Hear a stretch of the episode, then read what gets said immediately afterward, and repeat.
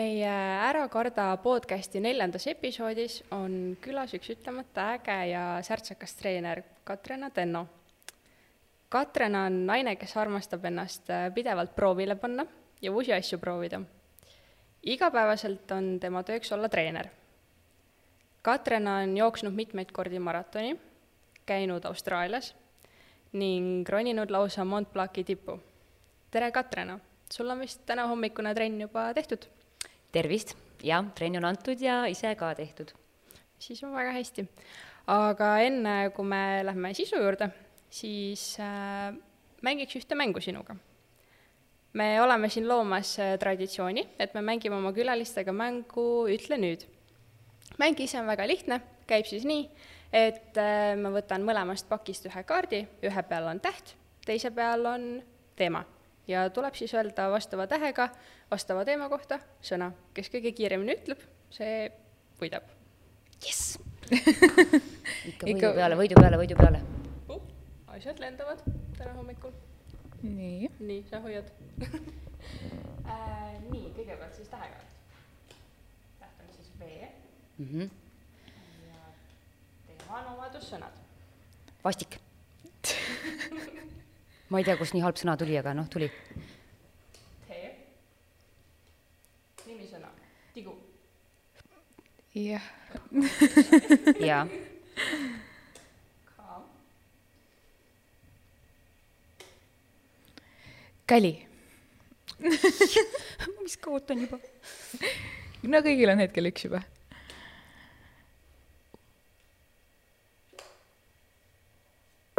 Ander Arp jah, on jah. nii, ja viimane T. tali Ta, tai väga hea. nii, aga nüüd on äh, häälepaelad soojad huh,. sain soojaks isegi äh,. rand. energia on juba mõnus, lähme siis äh, asja juurde äh,. räägime natuke sinu tööst. sa oled treener. jah räägi, kuidas sa treeneri ametini jõudsid? no treeneri ameti juurde jõudmine oli äh, suhteliselt, äh, peaks ütlema, kerge, sest et tegelikult juba noorest peast äh, ma teadsin, et ma tahan treeneriks hakata või saada ja siis see valik juba vaikselt hakkas nii-öelda või suund sinnapoole minema, ma arvan, et selline gümnaasiumis kuna gümnaasiumis ma teadsin, ma tahan kehakultuuri õppima minna ja siis vaatasin, et mis aineid mul selleks vaja on, ehk mis riigieksameid, ja pidin tegema bioloogia. Ja selle eksami pidi tegema juba üheteistkümnendas klassis. Ja siis äh, põhimõtteliselt nagu üks linnuk oli kirjas. Ja sealt edasi siis äh, tulid kaheteistkümnendas ülejäänud aga bioloogia pidi tehtud olema. Ja siis äh, läksingi ülikooli. Tol hetkel, kui mina sisse astusin, siis oli kakskümmend kaks tasuta kohta, ei olnud kõigile nii-öelda nagu praegu tasulised või tasuta kohad. Ja mina sain sisse üheksandana. Ja, ja hiljem muidugi seal ka juhtus, et said osad tasuta kohale veel edasi, kes ma, olid tasulisel. ja nii juhtuski, aga tol hetkel ma polnud lihtsalt kindel, et mis treener minust saab, et kuna ma tegin tol hetkel eh, kergejõustikut, siis ma polnud kindel, et kas ma tahan kergejõustikutreeneriks saada ja kuna ma olin ka korvpalli mänginud, et korvpall oli ka mõttes, aga siis kuidagi kaheteistkümnendas klassis ma hakkasin käima lisaks kergejõustikule ka jõusaalis. Ja siis rühmatreeningutesse läksin jõusaalist edasi. Ja see hakkas väga meeldima. Ja kuidagi nii juhtuski, et eh, väga ruttu sain treeneriks. aga sa oled ju noh, iseloomult ja üldse väga aktiivne ja sportlik, miks mitte siis profisporti hoopis teha? no see on ka selline väga hea küsimus, mida ma olen isegi palju mõtisklenud ja arutanud, et eh, kuidas siis nii läks, et minust profisportlane ei saanud, aga ju kuidagi ikkagi läks niimoodi, et see profisportlase teema, et seal ikkagi on väga palju vaja sulle, ütleme nii siis, teerajajaid ka, et võib-olla ma ei, mul ei olnudki kõrval sellist tugevat nii-öelda saatjat, et kes oleks mind nagu sinna viinud. ja võib-olla oligi see, et mulle meeldis elus nii palju erinevaid eh, alasid teha, et ma ei jäänudki nagu ühe kindla spordiala juurde nagu pikaks-pikaks ajaks, et ma alustasingi tegelikult, eh, tegin kunagi judot aasta aega, siis ma läksin eh, korvpalli, olin seitse aastat, mängisin korvpalli ja kuidagi sealt ma läksingi siis kergejõustikusse ja, ja see kergejõustik mulle ikkagi nagu väga-väga meeldis. aga seal ka ma otsisin oma ala, et kas see oli sprint või see oli nelisada meetrit, siis ma jooksin tõkkeid ja ikkagi kuidagi nagu sattusin sealt eh, kergejõustiku pealt, eh, see kuidagi juhtub noortel nii, et kui nad on gümnaasiumis, et mingi hetk ikkagi nagu loobutakse sellest eh, spordist ja minnakse nagu oma teed, et seda on tegelikult praegu ka palju näha, et, et peale gümnaasiumi ikkagi valitakse niisugune lihtsalt spordi tegemine. Ja võib-olla mul on isegi hea meel, et minust tippsportlast ei saanud, et see on ikkagi nagu selline karm ala, kar-, karm ala, et see ei ole nagu midagi lihtsat, et, et lüüa maailmas läbi, see on ikka nagu väga-väga suur tahtejõud ja respekt kõigile, kes seda teevad, et, et võib-olla muidu ma poleks täna, täna siin, et äh, ei saaks rääkida oma treeneritööst, mis mulle väga meeldib. aga miks just treeneriamet, mis sind selle juures köidab? ma arvan, et äh, treeneriametil on äh, nii palju tahkusid, et mis mulle seal üldse ei meeldiks, et mulle meeldib väga suhelda ja ma arvan, et tänu võib-olla minu heale suhtlemisoskusele on mul ka oma liikmetega nagu väga hea kontakt, miks nad käivad minu trennis, et ma ise nagu tahaks loota, et nemad ka samamoodi mõtlevad, et, et sa ikkagi nagu pöörad inimestele tähelepanu, räägid nendega peale trenni, kas või garderoobis enne trenni, peale trenni, annad tagasisidet, kui nad küsivad. et äh, treeneriamet on jah, et sa näed, kuidas inimene tuleb, keda sa varem pole kohanud, sa saad teda paremaks treenida, aidata, et mis iganes see mure inimesel on, et, et ma arvan, et treeneriamet ei ole ainult nagu treeningu juhendamine, vaid sinna juurde käib ka nii palju äh, muid asju, mida peab nagu treener oskama, et treener on ka psühholoog, abistaja, et äh, ja neid kohti on väga palju, mida võiks nagu välja tuua. aga jah, kindlasti esinemisoskus, et äh, kui sa ikkagi lähed rühma ette kuidas sa seal käitud, kuidas sa liigud, et äh, samamoodi kehatunnetus, et sa pead ikkagi nagu treenerina, ma arvan, et treener on äh, ka eeskuju, et äh, mida treener teeb, räägib, et see ka peaks nagu väljenduma, et, et mina usun, et treener võiks olla heas vormis, et kui mina räägin, et sport on tervis, siis võiks endal ka olla tervislikud elusti-, tervislik elustiil et, et see ei ole ainult see, mida ma räägin, vaid mida sa ka ise teed, et seda ka inimesed näeksid välja ja et mina oleks neile innustus, et nad tahaksid minu juurde trenni tulla. ja kõik see omavahel ongi niisugune mõnus kooslus, ma usun me juba oleme siin miks küsimuste peal, siis ma küsin edasi, aga miks just rühmatrennid? Tead, rühmatrennid on kuidagi niimoodi tulnud, et äh, ma tegelikult annan ka personaaltrenne, aga ikkagi ma peaks hetkeseisuga ütlema, et äh, rühmatreeningud on see, mis paneb mind äh, nagu särama, et mulle just meeldib see, et minu ümber on inimesed, et ma saan seda kogu energiat, mis trenni juhendades minuni jõuab, et see on selline teistmoodi tunne et äh, lähed kohale, et kas need inimesed on sinna tulnud minu pärast või trenni pärast, et neid äh, variante võib ka erinevaid olla, aga see lihtsalt see, ma arvan, see power, energia, et see tunne ongi kõige-kõige parem, et personaaltrenn on selline üks-ühele, aga kui sul on ühe asemel seal sada, kakssada või mis iganes, kui suur see rühm on, et, et see tunne on nagu võimas kuidas sul need tasakaalud on eratrennide ja oma rühmatrennidega, et on ta kaheksakümmend, kakskümmend, viiskümmend, viiskümmend? jah, pigem ma ütleks jaa, kaheksakümmend, kakskümmend, võib-olla isegi rohkem rühmatrennide peale, et kuna meie peatreener on ka juba niimoodi suunanud, et nad väga ei tahakski, et ma personaale hakkaksin tegema, et see ongi selline juba teadlik valik nende poolt ka, et mul on head võimalused antud MyFitnessi poolt ja seda kõike tuleb ära kasutada, et, et miks mitte, miks muuta midagi, mis tegelikult sulle sobib et äh, hetkel ma näen, et äh, see on hea lahendus ja ma olen juba teadlikult valinud ka sellised äh, rühmatreeningud siis, mis ma ennast, kus ma ennast nii väga ei kuluta, et ma ei annaks nii palju energiat ära, et ma oleksin õhtuks täiesti tühi ja siis järgmine päev pead uuesti minema, et ma olen ikkagi võtnud eesmärgiks teha treeneritööd ma ei saa nüüd siin kindlalt vanust öelda, aga noh, vaadates ringi, et ma usun, et eh, viiskümmend pluss võite veel väga edukalt tegelikult eh, rühmatreeninguid juhendada, et just kui sa noorest peast oled teadlikult hakanud seda juhendama nõnda, et sa ennast hoiad ja hetkel ma usun, et see on mulle päris kenasti välja tulnud, et ma saan öelda, et ma ei ole tundnud äh, läbipõlemist. et see on nagu äh,, ma ennast nagu kiidan selle, selle poole pealt, et see läbipõlemise hetk ei ole minuni jõudnud. aga mis teeb ühest äh, treenerist hea treeneri? mis teeb treenerist hea treeneri? no kui ma ise, ega ma ise käin ka ikkagi teiste treenerite trennides mulle endale meeldib, kui eh, treener on eh, otsekohene, et eh, ta ei ole nii-öelda saalis pea laiali, et sinna, sinna, sinna, vaid ta suudab anda konkreetseid juhiseid suhteliselt kiirelt, et kui sul on palju inimesi ja sa näed, et midagi ei toi-, toimu eh, õieti, siis sa suudad nagu kähku anda juhiseid, et võib-olla sina lähed sinna, sina sinna, et sul peab olema hea ruumi taju ka, et ei ole niimoodi, et noh, et inimesed jaguneksid saalis ka nagu mõistlikult laiali, et iga liige tunneks ennast hästi ka saalis ja samamoodi äh, ma usun, et hea äh, siis juhendamine, et sa oskad nagu ennetada, et kui sa treeningut juhendad, et äh, liikmed saavad aru, mida sa neile öelda tahad. et ei oleks nad pea laiali samamoodi, et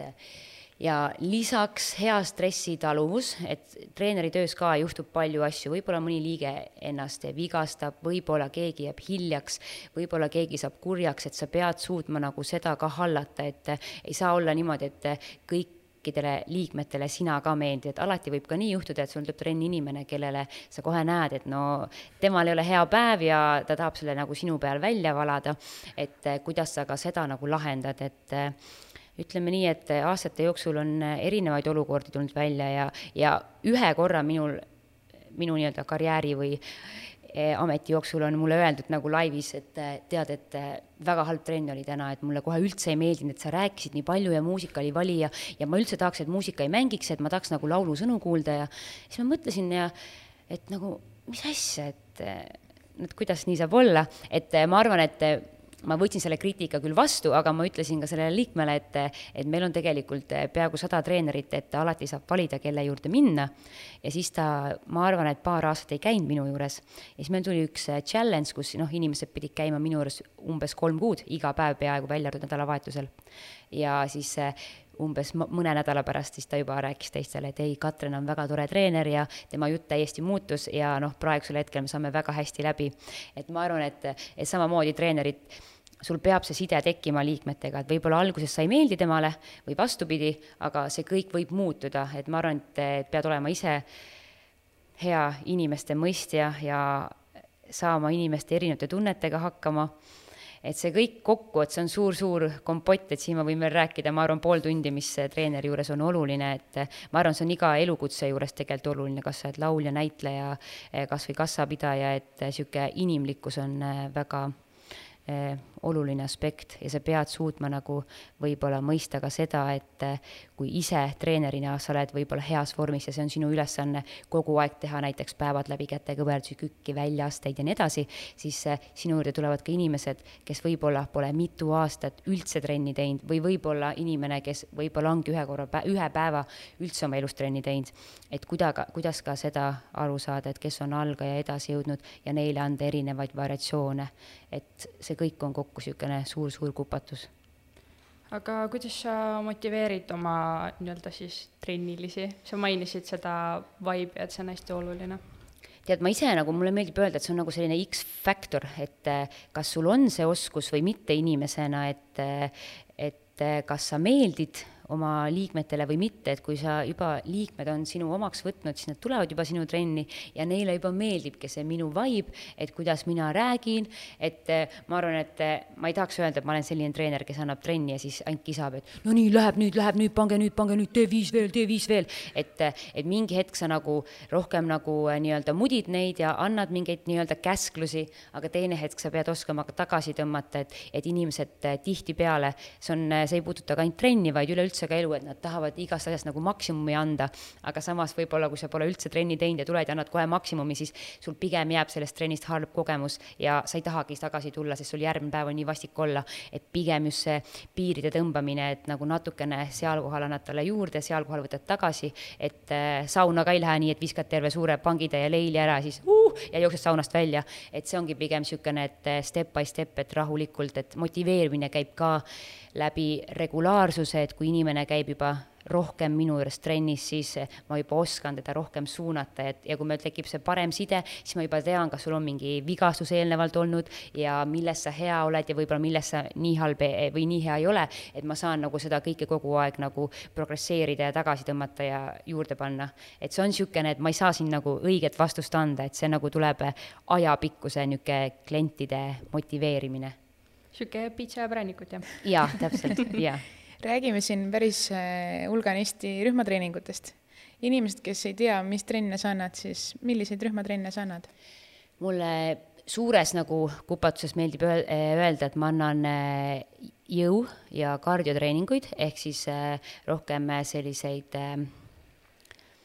ütleme nii, et et, et tants ja jooga on nagu välistatud minu puhul, mis ei, noh, tants on kindlasti nagu elu lõpuni välistatud, aga jooga võib-olla niisugune body mind, et sinna ma mingil eluetapil võib-olla jõuan, aga hetkel jaa, niisugused äh, lihastreeningud, et äh, ma annan TRX-i näiteks, ma annan, äh, meil on MyFitnessis selline stuudio eraldi nagu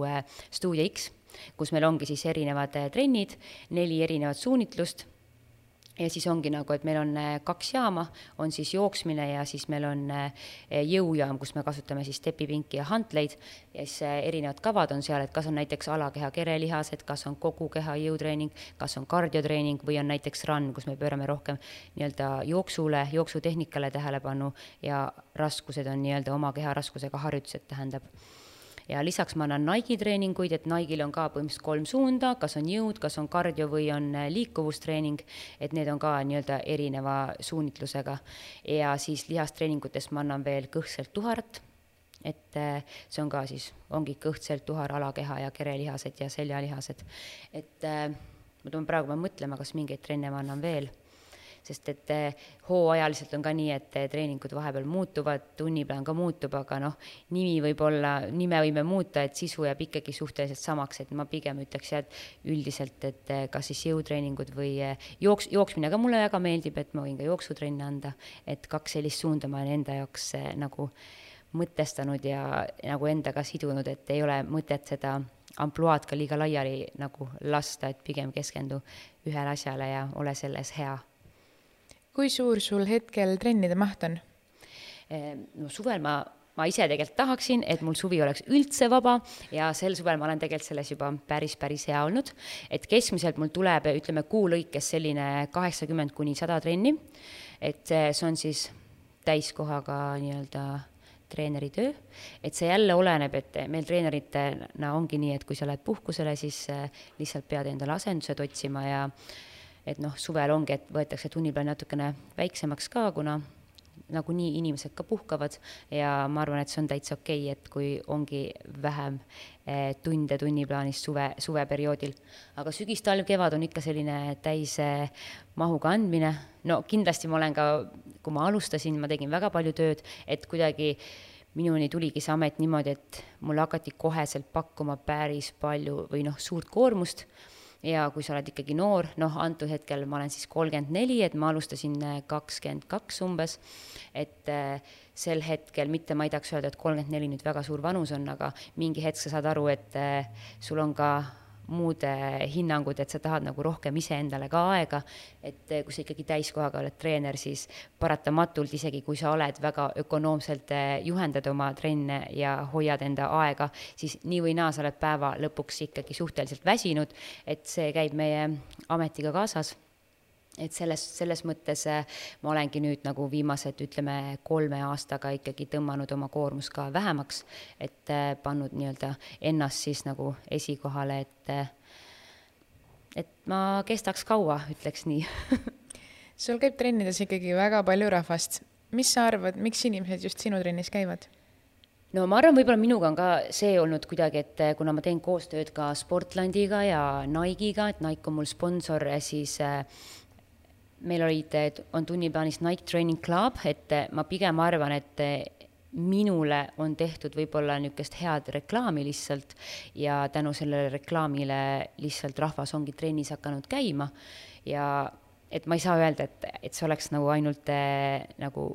minu saavutatud, ma ei taha öelda kuulsus või et oo, et nüüd Katrina, et sa oled nüüd nii tegija või kuidas inimesed arvavad, et ma ise nagu ei leia kunagi nagu seda, et oo, et nüüd, et mina oleksin nagu teistest treeneritest parem, et ma pole kunagi seda arvanud, et äh, meil on väga palju treenereid Eestis ja mujal maailmas ka, et, et miks kellelegi keegi rohkem meeldib või miks mõnel, mõnel treeneril on rohkem tunniplaanis tunde, et see on niisugune äh, ma ei teagi, mis see õige öelda on, et see on nagu, kas sul on elus vedanud, et sa oled kindlasti milleski ka hea, aga et kuidagi see nimi on tekkinud ja siis see jääbki ja, ja raske on sealt redelilt siis eh, nagu maha hüpata, et kuidagi inimestel on jah, jäänud arvamus, et, et Katrina Tenno, et oi-oi-oi, et jah, ma ise pigem seda nii väga ei arva, et ma olen viimasel ajal ikkagi, ma ütleks, et ikkagi päris palju rahulikumaks võtnud oma äh, oma erialast tööd, et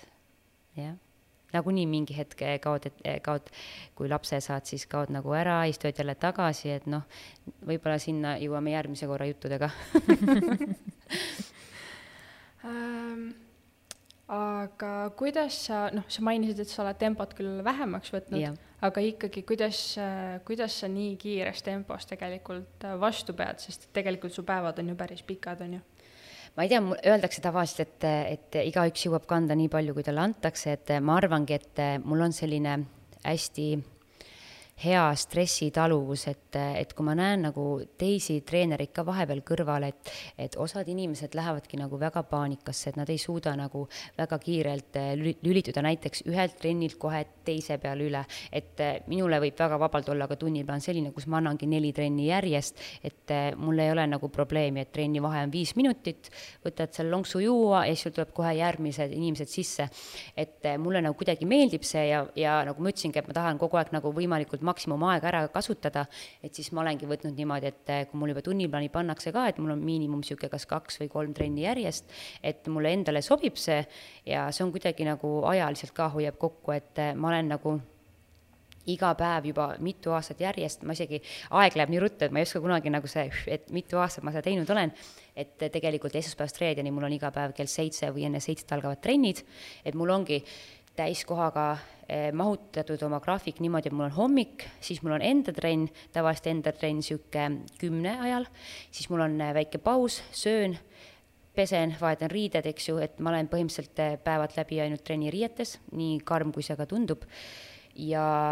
ja siis mul on lõunatrennid, siis mul on jälle väike paus ja siis mul on õhtutrennid, et mul on päevas nagu kolm etappi, kus ma olen oma eh, trennid või oma koormuse ära jaotanud ja see toimib hästi. aga samas see tähendab ka seda, et ma alustan vara, ma lõpetan hilja, et eh, nüüd ma olengi kuidagi proovinud niimoodi, et mul on näiteks reede, laupäev, pühapäev vaba, et eh, kolm vaba päeva, mis on tegelikult juba päris suur võit, aga mis tähendab seda, et nädala alguses ma teen suuremamahuliselt trenne. aga samas mulle sobib see graafik, et osad inimesed nagu nemad üldse ei taha, et et see jälle oleneb ja et ma arvan, et minu tüüp on selline, et, et mulle meeldibki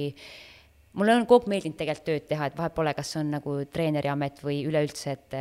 et töö tegemine nagu see kuidagi nagu annab mulle rahuldust, et mulle meeldib see. et kui ma oleksin niisugune väga passiivne ja, ja mulle anda väga palju vaba aega, siis see, see minu puhul jällegi ei toimi. et siis ma tunnen, et ma lähen väga kergelt laisaks.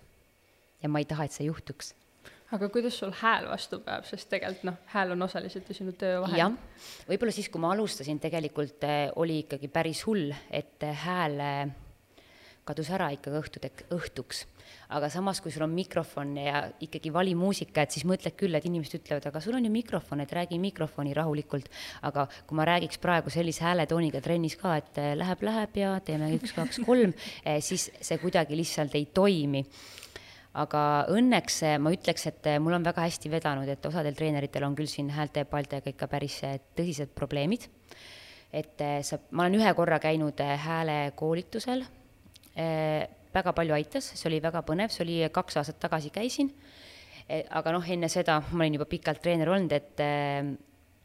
vedas, ma arvan, et eh, lihtsalt see, et, et vedas sellega, et treeneri ameti juures on mikrofon, et kui ma, eh, kui ma kehakultuuri õppisin, ma pidin käima koolis praktikal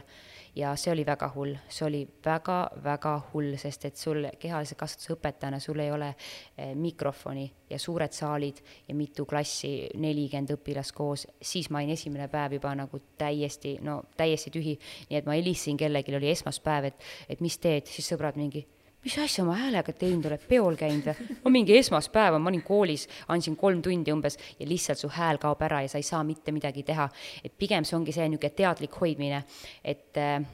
ma ei oska nagu nippi anda, kuidas ma räägin, sa, seda peab nagu igaüks ise nagu oskama nagu äh, oma häält kasutada, et kuidas sa räägid, aga pigem äh, ma arvan, et äh, ma olen selles päris hea. et ma olen heaks äh, selle treeninud enda puhul et äh, ja et ma näengi, kui meil uued treenerid tulevad, siis nad karjuvad oma hääle ära, et võib öelda, et nad karjuvad ära just nimelt, et nad ei räägi ära, vaid nad karjuvad ära. et sa pead nagu seda jah, oskama nii-öelda eh, tagasi hoida ja mingis kohas ka nagu rohkem andma, et see on jälle niisugune edasi ja tagasi nagu eh, niitide nihutamine, et jah, et see tulebki läbi praktika, ma arvan.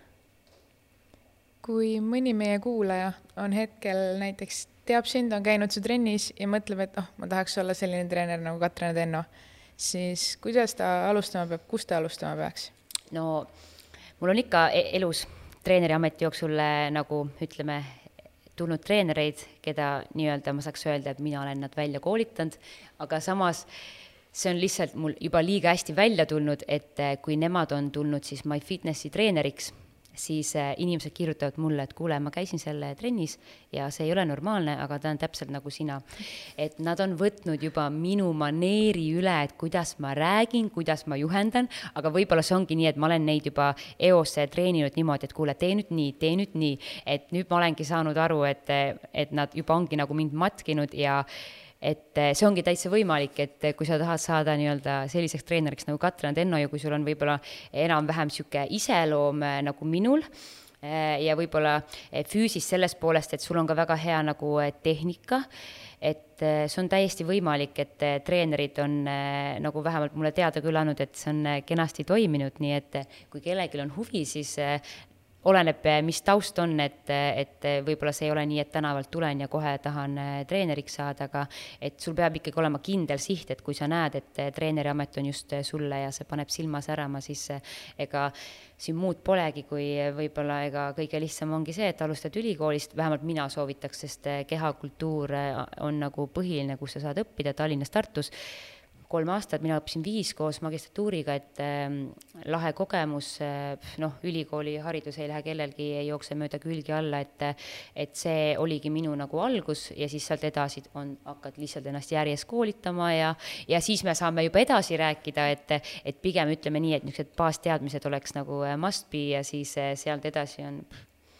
väga palju võimalusi ja tegelikult veel võib-olla siia saan veel juurde lisada, et, et ega treenerite ametit, see ei kao kunagi ära, ma loodan vähemalt, et ei ole hetke, kui rühmatreenereid ei läheks tarvis, ma vähemalt loodan, et juba kassapidajaid pole tarvis, eks ju, et ma loodan, et, et niisugune vahetu kontakt treeneriga, et see näitas juba koroonaaeg näitas, et tegelikult inimesed nagu igatsesid seda kokkusaamist ja trenni mõttes nagu, et sa saad suhelda, et mina igatsesin ja inimesed igatsesid, et see ongi niisugune, et et jah, ütleme, et treenereid on tarvis ja alati keegi läheb pensionile ja nagu ma ütlesin, ma olen juba kolmkümmend neli, et eh, siin alati tuleb eh, nagu eh, noori peale. aga kuidas te koroona ajal lahendasite selle olukorra, te tegite läbi neti või, või no kuidas? jällegi ma ütlen, et mul on kuidagi elus nagu vedanud, et kaari, kaardid on kätte nagu lihtsalt nagu mulle visatud, ehk põhimõtteliselt tegelikult oli, nüüd on ta Stebi enne oli, issand jumal, sportidee all vist see nimetus või, et eh, nemad siis eh, hakkasid eh, tegema virtuaalseid trenne ja kuna mul sõbrad olid seal nagu juhtkonnas ja nagu suured bossid, siis nad ütlesid, kuule, Katrin, et tee mõni trenn. siis ma mingi noh, kodus suht igav ka, aga noh, ega keegi polnud varem kodus teinud nagu virtuaalseid trenne. ja, ja muudkui käisib mulle pinda, et kuule, tee, tee, tee et siin saab neid ainult tänada selles ja tead, hakkasin siis tegema ja asi läks ikka nagu jõhkraks, võib öelda tegingi, lõpuks tegin juba vahepeal päevas kolm trenni ja siis kaks trenni ja et tegime iga päev niimoodi trenne, sest kõik inimesed olid tegelikult nelja seina vahel ja noh, nagu lihtsalt sport ja liikumine ongi see, mis meil hoidis veel võib-olla mõistuse normaalsena. ja mul ikka oli see nagu täiskohaga töö juba ja siis ma kutsusin veel enda alla ühe sõbranna ja siis tegimegi eh, koos trenne ja ikka nagu päris korralikult ja mõned minu eh, sõbrannast, kes, sõbrannad, kes on ka treenerid, nad teevad kusjuures siiamaani nagu live-trenne ja väga hästi toimib, et eh, et ma arvan, et see koroonaaeg oli selline tegelikult, ma võiks öelda, et väga edukas hooaeg nii-öelda, et jah, minul läks nagu väga kenasti, et alguses ma tegin seda nagu nii-öelda niisama ja läbi sportitee siis oli inimestele nii-öelda see Stebi, mis ta praegu nimi on, et, et see praegu toimib ka niimoodi, et siis äh, nii-öelda sa töötad kuskil firmas, firma paneb siis eh, sinule sinna kontole, Stebi kontole raha ja saad seda raha siis kas-, kasutada näiteks eh, MyFitnessi kuutasu eest maksmiseks või kus iganes spordiklubis sa käid ja seal on veel erinevaid variante. ja siis eh, põhimõtteliselt inimesed said selle summa, kuna spordiklubid olid nii või naa kinni, eks ju, mitu kuud, siis nad said selle summa minule kanda ja mul läks väga hästi et äh, isegi jah, et ma ei hakka siin isegi ütlema, et ei läinud hästi, et, et äh, jah, lihtsalt vedas, sest tol hetkel mul ei olnudki nagu muud sissetulekut, sest et äh, kõik olid ju kraanid kinni keeratud nii-öelda. kuigi ma sain riigi poolt ka toetust, et, et selles mõttes minul vedas, aga enamustel ei vedanud, et seal oli ka mitmeid variante, kuidas riik toetas et äh, jah, et koroonaaeg läks väga hästi, see virtuaalmaailm, ma arvan, et siiamaani veel toimib ja MyFitnessis me tegime ka äh, internetis siis äh, Netfitis mm -hmm. tegime treeninguid aga seal see maht oli niivõrd väike, et, et ütleme nii, et noh, see ei taganud mulle täiskoormusega tööd, et kui ma käisin seal nädalas üks-kaks korda versus kakskümmend viis pluss nädalas, et noh, seda ei annagi võrrelda aga kui sa treener ei oleks, mis sa, mis sa siis teeksid, noh näiteks, kas sul ju on juhtunud, et mõni luu näiteks on katki või, või mis siis saab? hui-hui, mul ei ole mitte midagi juhtunud, aga nüüd mingi aeg tagasi tegin alles elukindlustuse, et kui midagi juhtub, siis et võiks olla, et ma ei tea, miks ma varem selle peale ei mõelnud. aga jaa, ma olen tegelikult selle peale mõelnud küll, et mis ma teeksin, et mulle meeldiks võib-olla üritusi korraldada, et niisugune äh, mis iganes üritused need oleks, ma ei mõtle nüüd siin pulmade korraldamist, aga sellised eh, võib-olla seltskondlikud eh, suvepäevad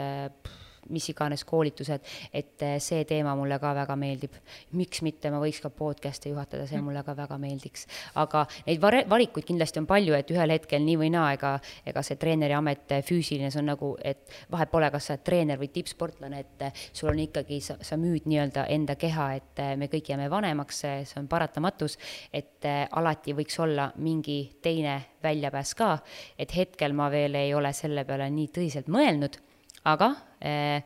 kindlasti mul on asju eh,, tegevusi, mis mulle meeldib. Ja kuna tutvusringkond on ka päris suur, siis eh, noh, me kunagi ei tea, et võib-olla kahekümne aasta pärast vaatame, kuhu mina siis nii-öelda jõudnud olen, et ja ma kindlasti ka loodan, et ma ei jää terveks eluks äh, treeneri ameti peale, sest et eh, elus on eh, nii palju asju, mida veel teha, et, eh, et tänapäev juba näitab, et sa võid küll ülikooli minna ja õppida ühe ameti ära, aga lihtsalt tänapäeva elu on nii kiire ja kõik on muutustes, et sa pead tegelikult olema valmis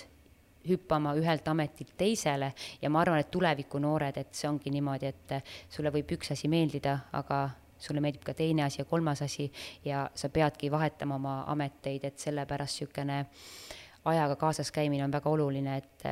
et vaatame, mis saab väga hästi. Minul endal näiteks kehalise kasvatuse õpetaja on kutsunud äh, tundidesse erinevaid äh, treenereid ja sportlasi rääkima. kas sa oled ka koolis kuskil jutustamas käinud? Jaa, ma ise käisin äh, Tallinnas, kui ma tegelikult olen Võrust pärit, aga ma tulin üheksandasse klassi Tallinnasse või kolisin siis Tallinnasse ja ma olin Mustamäel Arte gümnaasiumis, äh, käisin koolis. Ja noh, ilmselgelt sain ma õpetajatega väga hästi aru äh,, läbi, eriti kehalise kasvatuse õpetajatega ja mul oli nendega väga eriline side ja siiamaani on, et et mingi hetk aastaid tagasi juba nad helistasid mulle, kuule, Katrin, et tule meile kooli esinema. Ja ma olen käinud nüüd, ma ei, eelmine aasta ma ei käinud, kuna me kool oli renoveerimisel, kõik ehitati nagu nagu uus võimas eh, sportimistingimused on lihtsalt nii ägedad, et ma olen nii kade selle peale. et eh, ma nüüd loodan ja ootan oma õpetaja kõnet, et kuna ma siis sinna uhi uute kooli saan jälle esinema minna, et jaa, et aga ma olen käinud jah, ainult enda koolis, et mujale on ka kutsutud, aga kui see on ikkagi väga kaugel, siis kuidagi eh, ma ei taha väga sellest nagu mingit tasu küsida ja et, et minna nii kaugele, et see võtab eh, võib-olla mulle eh, väga palju aega, et kui sa lähed põhimõtteliselt nagu see tõmbab ühe päeva juba maha, et eh, siis ma tavaliselt eh, ei ole läinud kuskile. aga erinevates Tallinna piires olen käinud küll, et eh, see on niisugune vahva ja, ja hea algatus, ma arvan, koolide poolt, et võiks rohkem selliseid asju olla kas sa selle puhul ütleksid, et Eesti noored on pigem sportlikud või mitte? see on väga hea küsimus. Ehm, tead, oleneb, kui see küsimus äh, minu käest oleks küsitud äh, sel hetkel, kui mina käisin keskkoolis, siis ma ütleks, et Eesti noored olid väga sportlikud kui seda praegu öelda, siis tegelikult see võtab veits nagu niisuguse nagu tõsisema äh, nagu, nagu ütleme, ma ütleks nagu, et pinged üles, et ma tunnen veits ennast halvasti, sest et äh, ma ütleks, et äh, noored on äh, suhteliselt laisad. Nad ei viitsi väga liikuda, et äh, et äh, kurb on, sest et see on tegelikult päris tõsine probleem, et inimesed, ma ei tea, miks, või noh, noored, ütleme, ei taha kuidagi nagu sporti enam teha, et nende jaoks niisugune noh, eks võimsust on võtnud ka paljud asjad, nagu need kõik nutitelefonid, mängud äh,, erinevad äh, sõidukid, millega me sõidame siin Bolt ja Tuul, et, et paratamatus ongi see, et kui meil nii või naa oled koolis äh, mitmeid tunde, et see aeg, mis sa võiksid veel spordi jaoks teha, et kui see ka veel ära võtta, et sa kõnnid kas või koolist jala koju, et nad ei lähe enam jala, lähevad nende tõuksidega kooli söögipaus, eks ju, käiakse väljas ost-, ostmaks, ostetakse erinevaid eh, nii-öelda ma ei saa öelda mõttetuid eh, sööke, aga noh, väärtusetuid eh, jooke ja krõpse, et see ongi see, mis meid muudabki selliseks, kuhu me välja oleme jõudnud, et, et enam koolis isegi, ma ei tea, kas nüüd igal pool on nii, et need ka muutuvad väga palju ajas, et, et kui mina käisin ja ma arvan, meie ka, et siis pidid jooksma sada meetrit, sulle pandi hinne igas aines, et nüüd see on kuidagi läinud niisuguseks ma ei tea, kuidas seda nimetatakse nüüd õppekavades, et kas kujundlik hindamine või et sulle antakse lihtsalt eh, kas hea või väga hea või läbi tehtud see asi, et eh, noored lihtsalt enam ei eh, taha käia isegi kehalise tundides. et ma ei teagi, kas on see, et sinna on vaja niisuguseid võib-olla noori õpetajaid, et kes neil on nagu motiveerivamaks, et et kindlasti see ka mõjub, et kui sul on vanem generatsioon, võib-olla see enam ei, nagu ei lähenda neid, seda head sidet ei teki õpilaste ja õpetaja vahel, et ma ei tea, kus see nagu asi on, aga lihtsalt lihtsalt noored on väga laisaks läinud.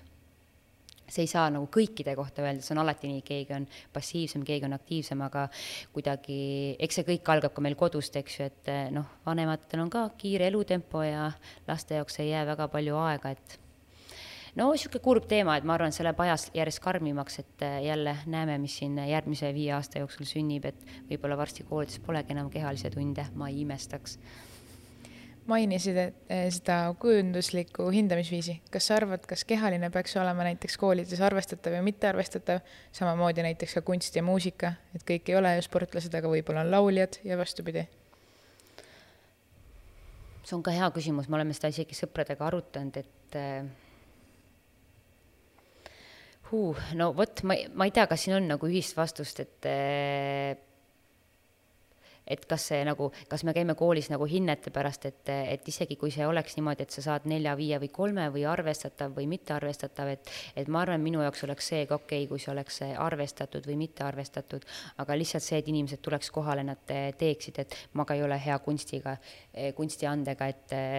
et pigem jaa, et inimesed tuleks kohale, et nad tahaks teha ja liiguks ja nii või naa, ega see kõik on nii, niivõrd palju muutuses juba eh, alates põhikoolist ja gümnaasiumist ja edasi ülikooli minnes, et, et kõik ained muutuvad, et see ongi niisugune nagu Eh,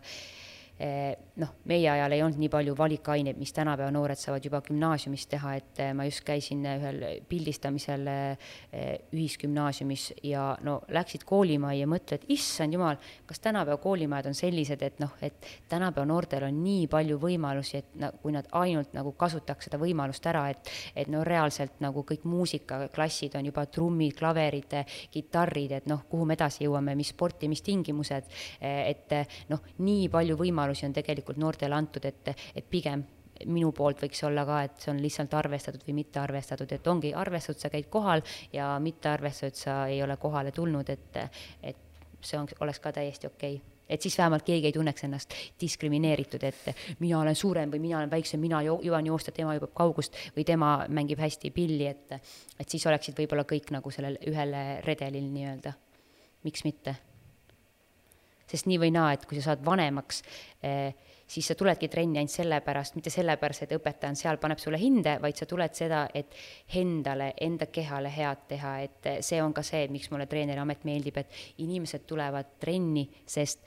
nad ise tahavad sinna tulla, mitte nii, et aa, sul vanaema käskis tulla või et mul Peika nüüd ütleb, et mine tee trenni, et, et see on nagu niisugune vabatahtlik ja, ja see ongi hea, et ma ei pea nagu kedagi keelama, et kuule, mida sina seal nurgas teed, vaid et inimesed tulevadki lihtsalt, et endale head teha. aga kuidas saaks äh, seda liikumisharjumust noortele nagu juurde tekitada või mis, mis nagu nõuandeid sa annaksid, et kuidas noh, võib-olla ongi lihtsalt koolides me tegelikult istumegi ju noh, hommikust õhtuni, on ju, et kuidas, kuidas saaks sellesse päeva nagu liikumist ja tervislikku eluviisi juurde tuua? no tegelikult koolidesse on, ma ei tea, mis see täpne nimetus on, aga minu sõbrannad on seda tegemas, et kui on koolivahetund näiteks, siis neil on nagu äkki on nimetus aktiivne vahetund või midagi sellist, et eh, neil on erinevad siis koridoride peal erinevad mängud, noh, noorem, noorem generatsioon nii-öelda ütleme üks, kaks, kolm, neli, viis, kuus, et eh, nad mängivadki erinevaid mänge, näiteks eh, koolis, kui on aula või siis ütleme, spordisaal, et minu ajal olid need kõik lukus uksed, sa ei saanud kuskile minna, aga nüüd eh, on need saalid kõik lahti, nad saavad vahetundide ajal mängida korvpalli eh, a la võrkpalli, et nagu lihtsalt liikuda aktiivselt. et see kõik, koolimajad on tänapäeval juba niimoodi ehitatud ka, et see on nagu niisugune suur süsteem, kus sa saadki liikuda nagu ühelt kohast teise, mitte nii, et tund lõpeb, keeratakse, võib-olla mul on niisugune mälestus lihtsalt, et uks kinni ja siis ootad, kuni õpetaja tuleb, et istud kuskil seal enda koha peal, et et võib-olla just see, et ega niisugune innustamine, liikuma panemine, see on kõik seotud omavahel, ega siin on nii palju tegureid, et kas on füüsiline, kuidas sa öösel magad, mida sa sööd, et sa tahaksid üldse liikuda, et kui me vaatame samamoodi erinevate eh, pargid nii-öelda, et tänapäeval, kus tehakse jõulinnakuid, et võikski, muidugi see kõik võtab raha, aga tegelikult eh, asi läheb järjest paremaks, et eh, kui me liigume ringi ka, kes käib kuskil jooksuradadel, et tehakse inimestele järjest rohkem võimalusi, kus nad saavad ennast nii-öelda liigutada, eh, välijõusaalid on juba väga võimsaks läinud, et et ei ole enam seda, et aa oh,, et mul ei ole raha, et osta kuupaketti kuskile spordiklubisse, vaid et et noh, et see ei ole enam vabandus, et tegelikult on päris mitmes erinevas linnaosas juba erinevad jõulinnakud, kus sa saad tegelikult juba kevad, suvi-sügistrenni teha, et eh, koormust kätte saada ja erinevad need pargid, kus lapsed nende tõuksidega sõidavad, et tegelikult kui noori vaadata, selliseid eh, noh, neli, viis, kuus, isegi kolmeaastaseid ma vahepeal vaatan niimoodi, jään seisma, vaatan neid pargis, et eh, politseipargis näiteks on niisugune need suured rämbid või kuidas neid nimetatakse, mõtled, issand jumal, kuidas see kolmeaastane sealt alla tuleb, et nad on nagu nii hull, hulljulged juba, et see on nagu niisugune hea liikuvus, et seda nad nagu teevad, aga mis neist edasi saab, et siis tuleb mingi krutski neil ja nad ei taha enam teha, et ega see on niisugune kuidas saada inimesi liikuma, see on nagu terve elu olnud nagu küsimus, et see on sama, et kuidas saada inimesed eh, rohkem raamatuid lugema ja teleka tagant ära, et, et niisugune see internet ja telefon on nii sõltuvust tekitav narkootikum, et sa lihtsalt võtad selle telefoni kätte ja jäädki sinna scroll ima ja siis sa scroll'id seal tund aega, aga samas see tund aega tegelikult sa oleks võinud minna välja jalutama, kiirkõndi tegema, jooksma, et eh, noh, sa pead lihtsalt leidma endale mingi asja või tähendab ala, mis sulle meeldib ja mida sa tahad nagu hea meelega teha. mitte nii, et oo, ma hakkan tennist mängima, kuna sõbrannad mängivad ja sa ise tegelikult vihkad tennise mängimist, siis see on juba eos surnud mõte, et see ei vii sind kuskile edasi, vaid sa peaksidki valima endale selle eh, spordiala või liikumisala eh, asja, mis sind innustab ja tegelikult nagu see ongi niisugune põhiasi, et, et leia, mis sulle meeldib ja kui sa juba lähed sinna trenni noorena, siis usu mind, trennis on nii palju teisi inimesi, kellega sa saad sõbraks ja võib-olla ongi lahe, lähed sinna vehklemistrenni, lähed jooksutrenni, kergejõustikusse, et tegelikult trenne on ka tänapäeval nii palju erinevaid, et nagu minge proovige erinevaid trenne, et tegelikult koolides käivad ka nii-öelda talendiotsingud, kuidas mina sain korvpalli, et nähtigi mind kehalise tunnis, oo, aktiivne tüdruk, võtame ta trenni, et ma ei tea, kas tänapäeval ka see koolides niimoodi toimib, aga kui mina oleks kergejõustikutreener, mina käiks eh, koolis kehalise tundides ja võtaks neid tüdrukuid ja poisse, et kuule, sa olid nii lahe, äkki sa tahad trenni tulla, tule proovi trenni. et noh, sa pead lihtsalt nagu kuidagi innustama neid noori ja, ja et tegelikult kõik algabki sellest, et kes su sõbrad on ja kellega sa ennast ümbritsed. et minul ongi ainult spordiinimesed ümberringi ja see ongi nii läinud ja meile meeldib koos trenni teha ja see ei, me, me ei nimeta seda kui nagu spordi tegem-, tegemiseks, vaid see on aja veetmise viis, sest see on lihtsalt tore lähme rattaga sõitma, järgmine hetk sööme kuskil kohvikus, joome kohvi ja sööme saiakest, et see on niisugune sotsiaalne kokkusaamine. et see on lahe sa mainisid, et toitumine on hästi oluline, aga sa tegelikult ise ju, sa põletad igapäevaselt metsikult äh, nii-öelda energiat ja kaloreid. kuidas sina oma toitumist jälgid ja mis need nagu nipid äh, on, mida mida sa jälgid? no ma arvan, et treenerite, treeneri ameti puhul ongi see,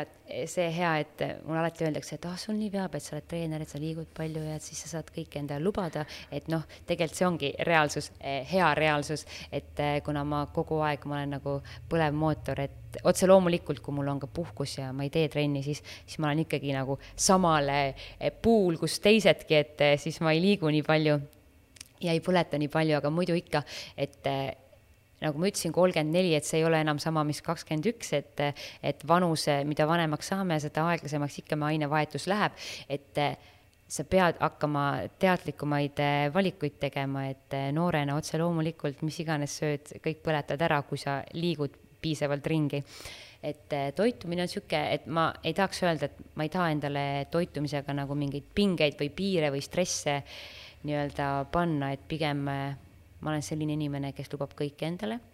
et eh, eks minu lähedasemad inimesed teavad, et eh, mulle meeldib väga süüa, et eh, aga ma teen ka palju trenni, et siis võib-olla see ei paista nii välja, et mulle väga meeldib süüa. et pigem see on ka nagu üks elu nauding, et et mina ise nagu proovin ikka mõista inimesi, kellel on noh, kuna tänapäeval on väga palju toitumishäireid ja ma ise puutun nendega kokku, et, et paratamatult inimesed tulevad ise rääkima, kes mul trennis käivad, et see teeb küll nagu väga kurja, kurvaks, et, et kuidas neid inimesi aidata, et see on juba nagu omaette teema, aga, aga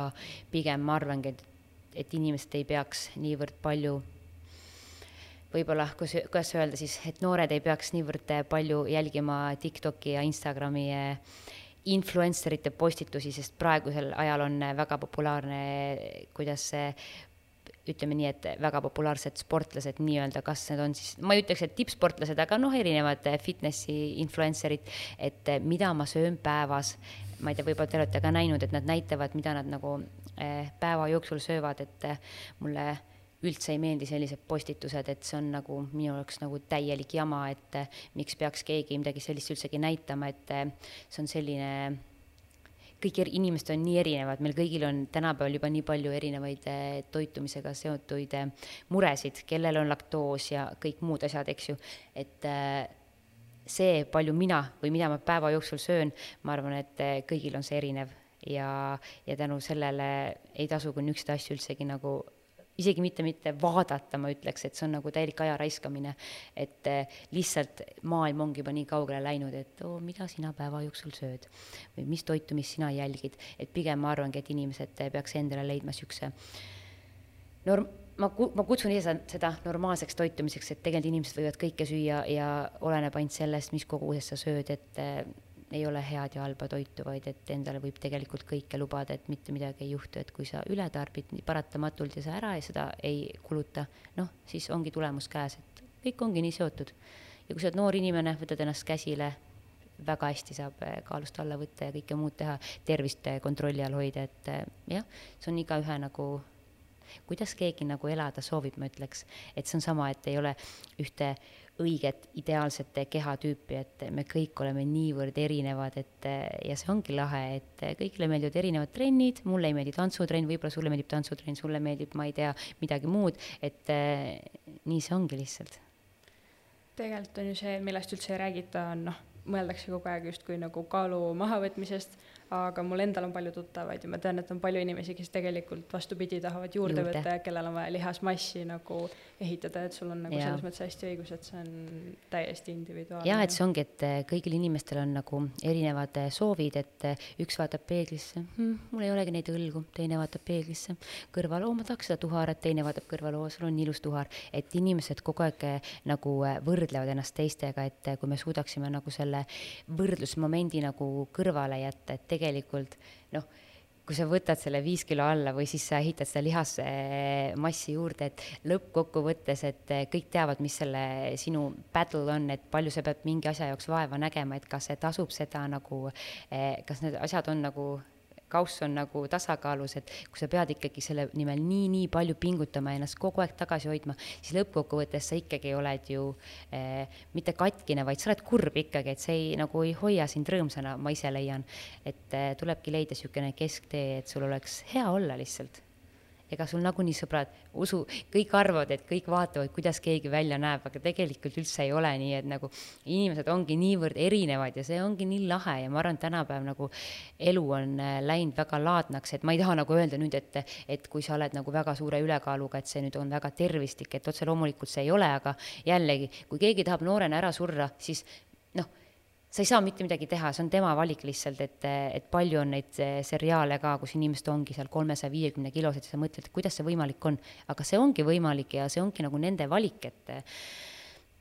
noh, nii ongi ja keegi ei saa nagu selle vastu teha, sest me kõik oleme iseenda bossid, et ainult sina tegelikult lõppkokkuvõttes saad teha oma otsused ja keegi ei saa sinu, sinu eest neid otsuseid eh, teha või tegemata jätta ja nii ongi anna kolm soovitust neile, kes soovivad paremas, paremasse vormi saada.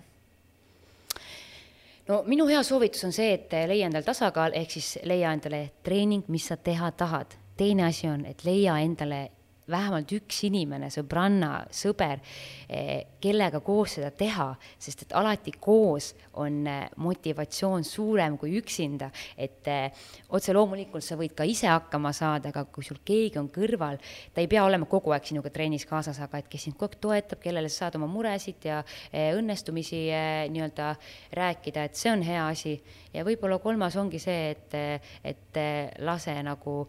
enda et ära ole nii strikt, et sa peadki nagu nüüd täpselt selles kaalus olema või seda, seda toit, toituma, et pigem niisugune mõnus elustiil, et sa saad nautida seda, mis sa teed, et kui sa ikkagi ei naudi seda, mis sa teed, siis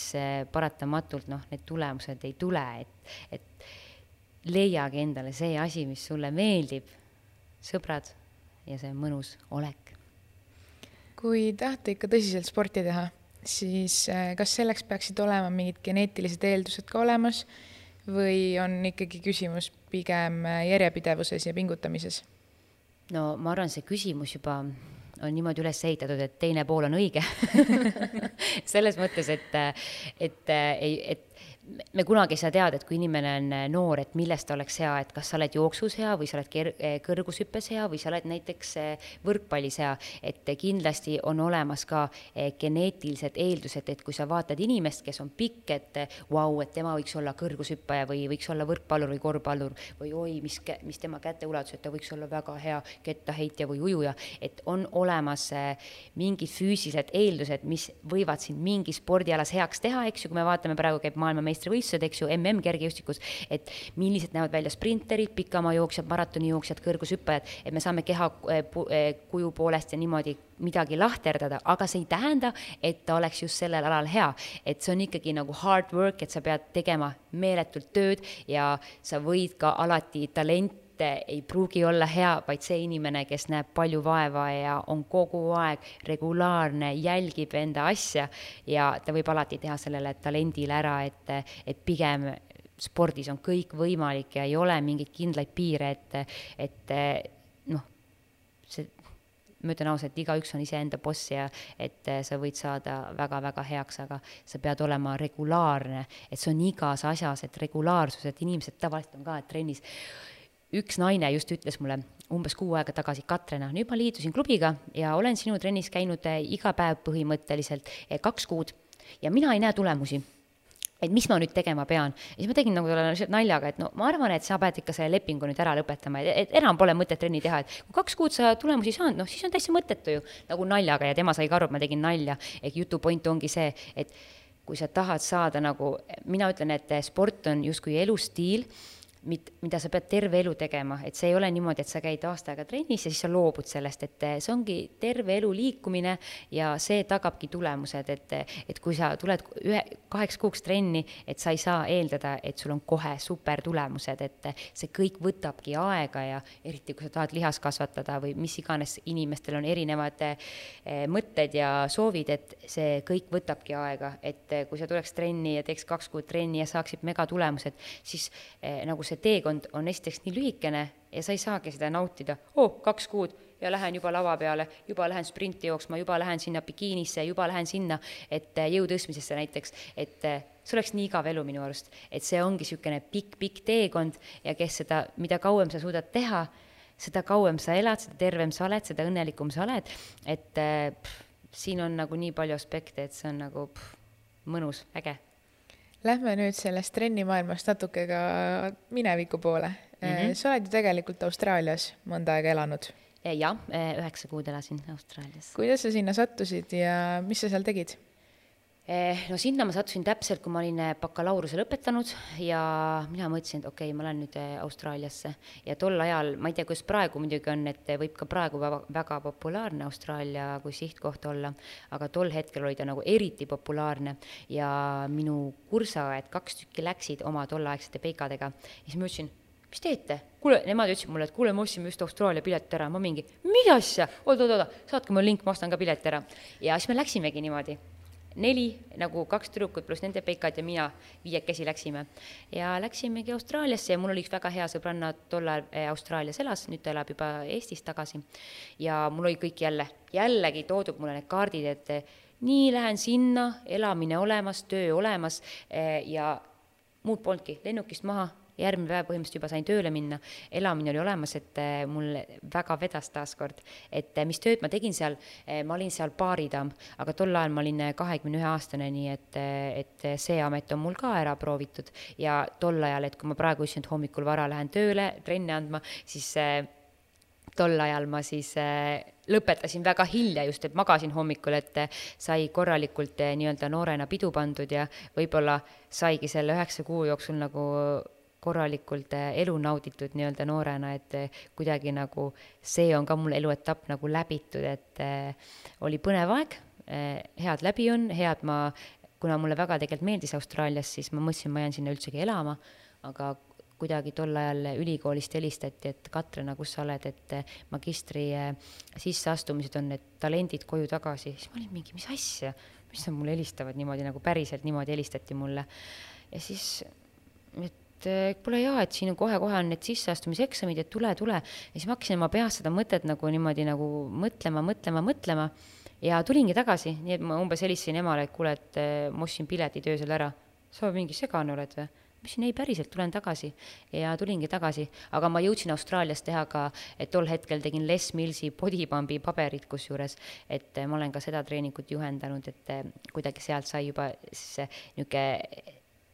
treeneri nagu idee nagu veel ka nagu lisa nagu funki mul. ja noh, tagasi tulin ja siis ma juba hakkasingi treeneri, treeneri tööd tegema põhimõtteliselt. Eh, paljud, kes seal siis käivad nii-öelda backpacker itena, eh, on näiteks väga vaimustused ja, vaimustuses ja ütlevad, et eh, on tahtnud või noh, olekski tahtnud sinna elama jääda, siis kas sinul oli ainus see magister, mis sind Eestisse tõi või kuidas sellega lood? Ma ei oskagi nagu ühest vastust anda, et äh, ma arvan, võib-olla ma oleks isegi jah, pikemaks ajaks sinna jäänud, sest et mul sõbrad jäid veel sinna mitmeks aastaks, aga näiteks praegusel hetkel on nad enamus tagasi tulnud. et ikkagi see lahe on ära olla ja näha kõike seda erinevat kultuuri, aga üldse nagu viimasel ajal, et ma ikkagi päris palju reisin, võiks öelda, ja alati reisi lõpus, kui koju tagasi jõuad, mõtled, et nii hea on ikka Eestis elada. et eh, mulle just meeldibki see, et Eestis on vähe inimesi, kõik teavad üksteist. Eh, ma ei taha öelda, et kõik teavad üksteist, aga lihtne on eh, ütleme, et enamus ikkagi nagu on näinud üksteist kuskil tänava peal, et sõbrad ütlevad, kuidas see võimalik on, et Eesti on nii väike, siin üldse inimesi pole. ma ütlesin, see on väga hea. ja teiseks mulle meeldib, et Eestis on hea kliima, et tegelikult olgem ausad, et äh, meil on väga-väga hea kliima, meil on vedanud, et me elame Eestis, meil on nii palju vaba ruumi, et sa ei pea kuskil nügima, et ikka väljamaal oled, Austraalias reaalselt mul oli vahepeal viiskümmend kraadi, siis ma mõtlesin, miks miks, et kuidas sa elad siin, et see on, noh, see oli ikka väga-väga hull, et noorena muidugi on mõnus ja kõigile meeldibki soe ilm, aga kui sul on see kakskümmend neli seitse kogu aeg, sa oled väsinud, loid, et eh, see ka ei ole tore, et eh, lihtsalt mõnus on Eestis ja mul on jumala hea meel, et, et ma ikkagi olen jäänud Eesti ja paikseks ja et eh, alati on tore ära käia, aga tagasi tulla on veel lahedam. Ja ainuke, mida ma võib-olla kahetsen, ongi see, et ma ei läinud ülikooli ajal kuskile välisüliõpilaseks, et võib-olla see oli asi, et mida ma kindlasti oma lastele tulevikus tahaks öelda, et eh, mine käi ära, et õpi mujal, et see keel juba ja see teine kultuur nagu õppida teises kultuuris on kindlasti väga-väga palju juurdeandev eh, omadus, et eh, seda ma küll väga palju soovitaksin noortele, jah. räägime siis natuke ka Mont Blancist kuidas tuli pähe üldse selline hulljulge mõte? Äh, tegelikult see tuli pähe niimoodi, et oli konkurss, äh, Sportland korraldas selle. ma olin seda kiirelt lugenud, aga mõtlesin, mis asja Mont Blanc, et noh, esiteks mulle kõrgus väga ei meeldi, mis juba tundub esimene error selle asja juures, Mont Blanc kõrgus ja, ja siis minna sinna konkursile. ja siis mulle mitu inimest hakkas kirjutama, kuule, Katrin, et tule minu tiimi. siis ma mõtlesin, kui inimesed juba mulle nii kirjutavad, et siis ma ikkagi valin nagu selle, kellega ma nagu sinna tippu ka jõuan, et nagu konkurentsi mõttes, et kui oli konkurss, et ma valin endale kaaslase, kellega ma võin võita selle, siis ma ütlesin emale, et ma lähen Mont Blanci konkursile, ta mingi, sa oled täitsa segane. aga ta ütleb, ema ütleb mulle iga asja kohta, et sa oled täitsa segane. ja siis ma ütlen, ütlesin veel, et ma kavatsen võita ka selle suhteliselt enesekindlalt, sest ma usun, et elus on niimoodi, et kui sa eh, nagu enesekindlalt lendad peale, siis see ongi nagu juba pool võitu, vaata, siis kõik hakkavad kartma sind, et oo, ta tahabki võita. no anyway võitsimegi selle asja, meil oli tegelikult päris tihe rebimine seal Red Bulli poistega, kes olid juba käinud mitmel konkursil ja võitnud ja neil oli väga suur toetajaskond. aga kuidagi asi läks nii hulluks, aga see oli ikka reaalne niimoodi, et ma pidin inimestele kirjutama, nii, Sirli sina oled üks inimene puudu, kes võiks mulle like'i panna, et ma võidaks selle konkursi, aga see asi läks nii hulluks, et kõik tiimid tegid seda. Ja ütleme nii, et kui ma öösel olin ära kirjutanud võib-olla sajale inimesele, siis ma ei saanud rohkem mitte ühtegi Messengeri akent ka avada, niimoodi, et kui ma juba panin sõna mingi, mis iganes sõna kirjutasin, siis mulle kohe löödi välja mind, ehk mul oli juba bänn peal, ma ei saanud enam nagu aidata iseenda võidule kaasa, siis mul oligi nii, no nüüd on juhuse tahe, et me kas võidame või kaotame või mis iganes, aga võitsime ja läksime ja terve meile, mina läksin Merle Lauaga ühe treeneriga, võitsime, eh, siis tähendab, meile oli see tasuta kogu see kupatus, kõik, kõik varustus, minek, reisipiletid, villad, no mega-mega elu ägedaim kogemus. et mul ongi sinna kõrvale väga raske nagu leida minu top number kahte, sest see kogemus oli nii, nii võimas, et midagi sellist nagu nii suurt eneseületust ma pole kunagi teinud et võib-olla Ironman oleks ka sinna nagu number kahe alla, sest ma kardan ujuda. et see ongi kaks asja, et, et kui sa saad oma hirmudest üle, aga nagu see oli väga-väga hirmus, et selles mõttes mul praegu just sõbrad vallutasid umbes neli päeva tagasi Mont Blanci tippu, siis ma kirjutasin vau, vau, äge, äge, siis nad kirjutasid vastu, et davai, lähme uuesti, siis ma mingi mm, ei, ei, aitäh, aitäh. et noh, see hirm ikkagi, see tunne on ikka väga eh, võimas, ütleme nii, et hirmutunne, see on jah paneb nagu mõtlema elu üle, et kui väga sa tahad elada, ütleme nii, et sa ei taha sealt kaljust alla kukkuda. Aga seal ronides, millised olid emotsioonid ja tunded? oh, see oli väga äge, kõik need vaated äh, ma ütlengi, et see Mont Blanc on selline asi, et inimene, kes ei ole varem nagu mägedest, ma mõtlen nagu kalju peal roninud niimoodi, et noh, sul on eh, kirkad kassid, kõik seljas varustus eh, ja kahel pool sa saad kaks jalga kõrvuti panna, on põhimõtteliselt neli kilomeetrit kukkumist, no seda tunnet on raske kirjeldada, kui sa ise ei ole seal. Et sa võid nagu seda stimuleerida, et siin, et kuule, kõnni kaks jalga kõrvuti niimoodi hästi rahulikult, aga see ei ole seesama, kui sa päriselt tunnetad, et sul kahel pool, paremal või vasakul, vahet pole, kuhu poole sa vaatad, sa isegi, olgem täpsed, sa isegi ei julge vaadata, sest et sa mõtled, et kui sa paremale vaatad, siis sul tuleb piss püksi ja sa kukud sealt alla, et äh, see oli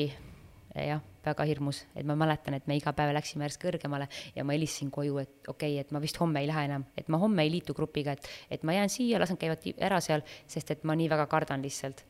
aga ikkagi, kuna sa olid võitnud ja kõik olid sinu poolt hääletanud, et ma ei saanud seda lubada juba enda aule, et nüüd ma ei lähe ja ei tee seda. et see oli väga-väga mõnus, et äh, mingil hetkel sa lihtsalt nagu harjud juba selle kõrgusega ära, et, et inimene tegelikult harjub kõigega, et sa pead lihtsalt nagu kohanema antud olukorraga. et jah, soovitan. on sul veel mõni koht, kus sa tahaksid elu jooksul ära käia? jaa, oi, neid kohti on tegelikult väga palju, et, et sa ei pea minema, et Mont Blanc on ikkagi erinevaid tehnilisi radu on seal palju, kus pidi sa saad üles minna ja seal on erinevaid ronijaid ja vastavalt nende tasemele, et võib-olla meie grupp, grupist osad läksid järgneva aasta peale Mont Blanci Kilimandžarosse, et, et erinevaid eh, sihtkohti on, mis on lihtsamad mäed, lihtsam teha, et eh, sellisel variandil eh, ma läheksin veel ronima. aga Mont Blanc ma ütleks, hetkel on niisugune seitsekümmend, kolmkümmend, nagu seitsekümmend, et ei, aga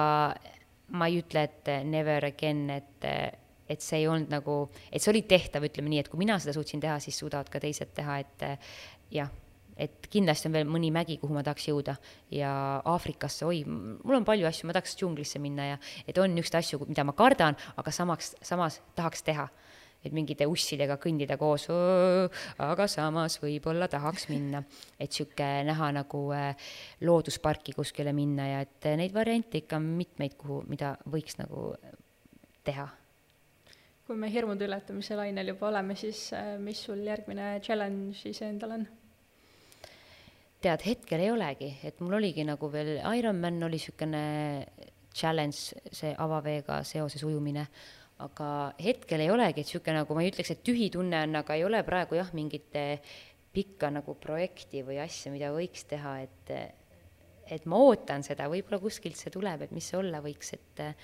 ega ei, ei teagi, et et vahepeal tuleb mingi selline asi, et no ma ütlen, et ma poleks kunagi uskunud, et ma lähen mägi, mäkke ronima, et noh, see oli crazy. ma poleks kunagi uskunud, et mu ujun avavees tehtud, et ongi niisugused asjad, et, et elu ongi hirmude ületamiseks, et kas sa suudad seda teha või mitte, et kõik inimesed kindlasti ei taha kõiki oma hirme ületada ja kas peakski. et äh, jälle vaatame, mis elu toob, et see ongi äge, et kui meil kõik kaardid pööraksime praegu ümber, siis oleks see ka igav, et mis see järgmine täht on seal. et noh, saab siin selle järgi ka teha ähm, räägime hästi korraks veel sinu rutiinist kas sul on mingisugune niisugune hommiku- või õhturutiin, mida sa jälgid või, või pigem mitte mm.? no ütleme nii, et kui ma olen, noh, suvi on minu jaoks niisugune selline leboperiood, et siis ma luban nagu endale, noh, ärkad, kuna tahad, kui ei pea nagu tööle minema, et see on niisugune nagu vaba, aga kui on sügis, talv ja ma olen nagu rutiinis, siis ikkagi, et hommikul ärkad, tavaliselt mul on selline pool tundi, et äratus, et eh, pool tundi eh, nagu kodus saaks olla ja siis teine pool tundi, ehk ma ärkan tund aega enne treeningu algust. et kui trenn hakkab kell seitse, ma ärkan kell kuus, pool tundi kodus, sinna läheb siis pesu, kerge söök, ma väga hommikuti ei söö, selles mõttes, et ma teen õhtuti kaasa endale suure smuuti, et ma võtan selle tööle kaasa ja ma töö, eh, tööle jalutamise ajal ma ka ei joo seda, vaid ma hakkan trennis jooma, sest kui ma selle enne ära jooks, siis ma ei saaks trenni anda, siis ma tahaks juba pissile minna. ja et, et annan trennid ära pool tundi on hommikul aega, lähen trenni, teen trennid ära, teen enda trenni ära ja siis mul olenebki, kas ma tulen jälle koju või mitte, et kui ma koju tulen, mul on mingi selline teema, et ma tahaks, et mul, eh, mul on suur armastus koristamise vastu. ja siis mul mul peab alati olema kõik hästi korras, voodi tehtud, pesu pestud, kõik padjad ühtepidi, tekid, kõik, kõik, et mulle meeldib, kui ma tulen koju, et kui hommikul voodit ära ei tee, et kõik oleks pärast jälle nagu timm, et korras, et see kuidagi annab mulle niisuguse meelerahu, et see on veits niisugune nagu haigus mul ja kiiks, et mulle lihtsalt nii väga meeldib, kui kõik on puhas ja korras. ja siin tulebki nali, et ma hakkasin Instagramis jälgima ühte kontot, üks Soome tüdruk, kellele meeldib koristada, siis ma mõtlesin, issand, kui ma treener ei oleks, ma oleks äkki koristaja üldsegi, et mulle lihtsalt meeldib niisugune koristamine, see tundub nagu mu sõbrad kunagi ei saa sellest aru, et lihtsalt see ongi mulle nii suur kiiks, et niisugune, see tüdruk teebki tasuta, koristab inimeste elamisi ja tal on nagu mingi, ma ei tea, mitu miljonit follower'i juba ja rahvas mingi jälgib teda ja ta näitab oma asju, kuidas ta käib teisi inimesi aitamas, kellel on elus mingid probleemid olnud, et ta ei tule igaühe juurde koristama. okei okay,, see selleks. ja mis rutiin veel, et trenn oleks tehtud, aga samas ma ei ole nii ki- eh,, nagu nii kindel, et oo, et nüüd täpselt, et kui ma täna trenni vahele jätan, et mul on näiteks enesetunne pole nii hea, siis minul ei juhtu midagi. et paljud inimesed lähevad nagu paanikasse, et oo, ma ei teinud täna trenni, kuidas nii, aga pigem kuna ma ei ole tippsportlane, mitte midagi ei juhtu minuga, kui ma ei tee ühe päeva trenni, et eh, ma ei ole nagu endaga nii karm. et selles mõttes, et eh, kindlasti mul on üks, üks kindel puhkepäev suvel rohkem. Ma proovin tavaliselt jätta, kas siis neljapäev ja pühapäev on näiteks puhkepäevad või neljapäev, laupäev, et need ka varieeruvad, et eh, pigem ma ei ole niisugune makstrenni sõltlane, mis inimestele võib-olla on äh, tundunud. et suvel jaa, et noh, käime rattaga sõitmas ja rohkem jooksmas, aga et muidu tavaliselt ma ikkagi proovin teha maksimum äh, tund aega päevas trenni iseendale. et kui ma olen küll, töötan treenerina, rühmatreenerina, siis tegelikult mul on trennid nõnda, et äh, võib-olla nädala jooksul ma pean kahes trennis füüsiliselt kaasa tegema, mis ülejäänud kõik on ainult nagu juhendamine, ehk mis ei anna mulle füüsiliselt tegelikult üldse koormust et sellepärast ma peangi ennast rohkem sundima trenni tegema. söögipausid, ega mul, mul ei olegi niisugust kindlat rutiini, et õhtul hambapesu, niiditamine, duši all käik, eks ju, juba noh, seda ma olen juba, teen töö, töö juures ära peale trenni, et äh, magamisega on ka niisugune, et eh, mida vanemaks me saame, seda olulisemaks me saame aru, et eh, kui oluline on uni, et eh, mul on see eriti oluline ja ma võin väga palju magada, oo jaa. et ma proovingi, et kui ma kell kuus ärkan, ma lähen hiljemalt, hiljemalt kell üksteist magama, siis see teeb mullegi seitse tundi und, kui ma saan varem, see on väga-väga hästi. et aga jah, mingeid muid rituaale ma väga ei saaks nagu välja tuua sa oled ka väga palju reisinud maailmas. mis on siiani sinu lemmik reisisihtkoht ja kuhu tahaksid veel kindlasti minna? no näiteks sel suvel mulle avastasin niisuguse koha nagu Mallorca. see oli väga vahva, kuhu ma kindlasti tahaks veel minna ja sealt edasi eh, sõbrad käisid Portugalis, et eh, mul on nüüd Portugal üks to-do list, et eh, kuhu ma tahaks minna. Austraalia mulle väga meeldis, et seal on imeline loodus, aga ta on nii kaugel, et eh, ta on kallis, et sinna läheb palju aega, et see lend juba sinna, et sa, sul pole mõtet minna Austraaliasse nädalaks ajaks ja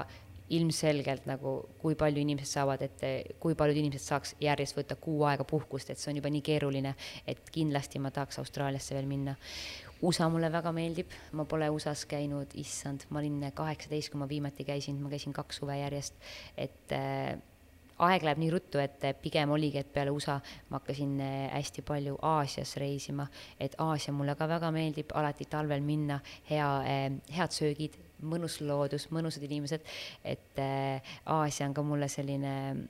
südamelähedane koht, et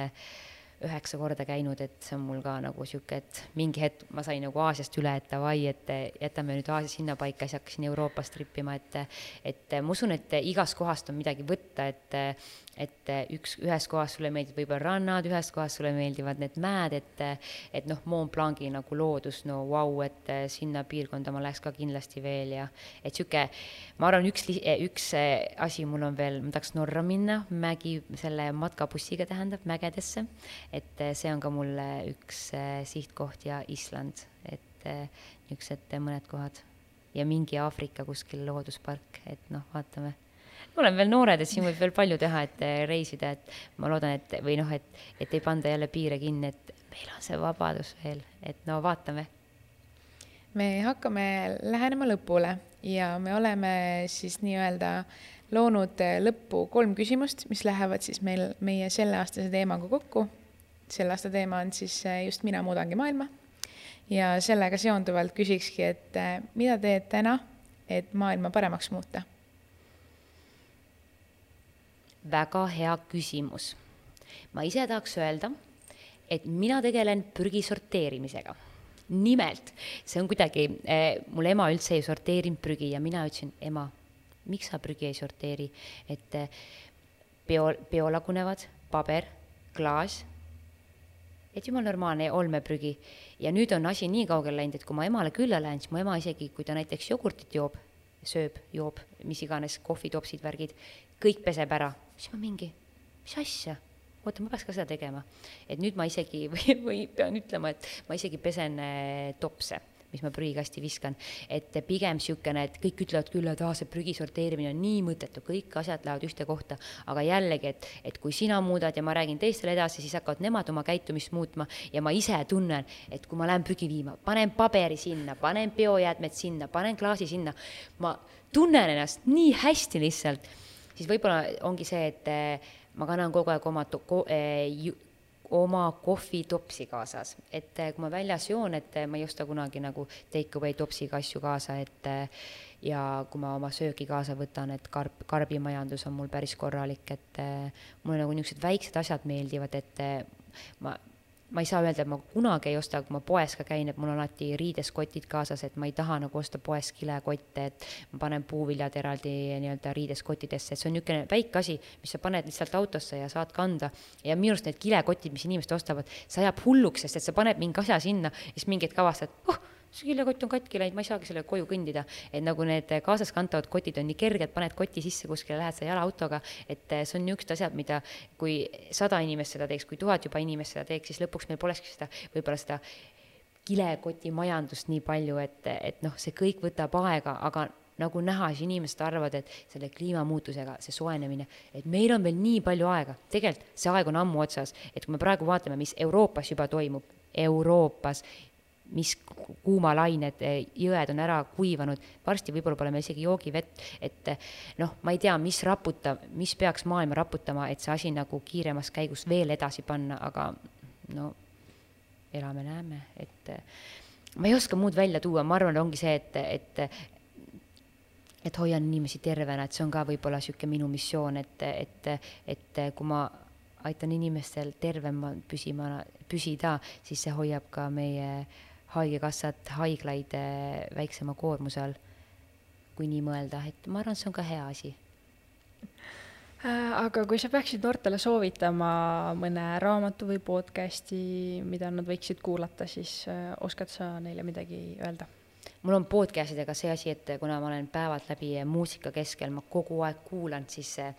keegi väga ei usu seda, aga ma kuulan väga vähe podcast'e, et ma olen ise ka päris mitmetes käinud, ma pole isegi enda enamusi podcast'e nagu äh, kuulanud pärast äh, järgi. et ma vahel mõtlen, et oh, võiks järgi kuulata, et mis ma seal rääkisin, mis ma seal rääkisin, aga enamus podcast'id on jube pikad ja et leida isegi nagu see vahepaus mul päevas tund aega, et mis ma keskenduks sellele podcast'ile, mul väga ei ole seda, kui aus olla, et see tundub küll, et kuidas sul pole niisugust vaba aega, aga mul on nii palju nagu muud sehkeldamist, et podcast idele ma jään äh, päris äh, võlgu et see on jällegi, et äh, mis kellelegi meeldib, aga raamatutest, et mulle meeldib lugeda autobiograafiaid, mulle meeldib lugeda ka igasuguseid armastusromaane, mulle meeldib ka ajaloost lugeda, et mul on selline, ma kutsun seda raamaturiiuliks endal, et see ei ole, on ka füüsiline, aga mulle pigem meeldib raamaturiiul kui nagu failina, et ma panen sinna raamatud, mis ma lugenud olen, ja siis ma panen endale kümne palli süsteemis, hindan neid. Et vahepeal, kui inimene küsib, et oo, mis sa viimati lugesid, siis ma olen vahepeal nii, et mis selle raamatu nimi nüüd oli, vaata, et äh, nagu et mul nagu pea ei ole nagu prügikast, et neid raamatuid on nii palju, autoreid on nii palju, et, et äh, mul on alati nagu raske, et kui koroona oli, et mulle meeldis, ma lugesin, ma ise ei mängi tegelikult tennist, aga ma lugesin kolme tennisisti autobiograafiad läbi, siis ma mõtlesin, issand jumal, ma olen tennises ka päris tark juba. et eh, niisugused eh, autobiograafid, et mulle sellepärast meeldib, et eh, kuna ma iseennast pean ikkagi sportlaseks, et, et kuidas nende mõttemaailm on, et kuidas nad treenivad, mis on nende rituaalid, et mida nad teevad, et nad on nii head, et põnev on nagu neid lugeda, et mulle väga meeldivad sellised või mulle meeldib igasugused aju-uuringud, uneteemalised, toitumine uurimisteemalised, et eh, neid raamatuid on tegelikult tänapäeval nii palju, et kui juba minna Rahvaraamatusse, kas või võtta top kümme, et seal on ka nii palju erinevaid raamatuid, et, et eh, kui keegi midagi soovitab, see on nagu veits minu jaoks niisugune, et okei okay,, on kindlasti häid raamatuid, mis on head, aga ma olen ka väga palju lugenud nagu inimeste soovitusi ja ma alati pettun, siis ma mingi, et ma pean ikka endale kindlaks jääma, aga mul üks suurimaid eh, eeskujusid on minu ema, kes loeb nagu meeletult palju, ta nagu loeb väga-väga-väga palju, et neid raamatuid on nii palju, et mul põhimõtteliselt pean tema poole minema ja nagu oma raamatukogu on võtta. et eh, noh, ma kunagi ei jõuagi nii palju lugeda kui tema, siis ta jälle tuleb raamatupoest niisuguse paksude üheksasaja lehe, lehekülgede raamatutega, siis ma mingi ema, mul ei ole nii palju aega, et seda, neid lugeda, et äh, et ma ütlen, et kui ma kunagi kõik oma ema raamatud läbi loeks, siis vau, vau, vau. et jah, mul on nagu suur inspiratsioon ees, ütleme niimoodi. Aitäh sulle, sinuga oli väga inspireeriv rääkida ja aitäh ka kõigile kuulamast. kui sulle meeldis, siis kuula meie järgmisi podcast'i osasid iga neljapäev ja muidugi võid ka jälgida nii meid kui ka saatekülalist sotsiaalmeedias. nägemist nägemist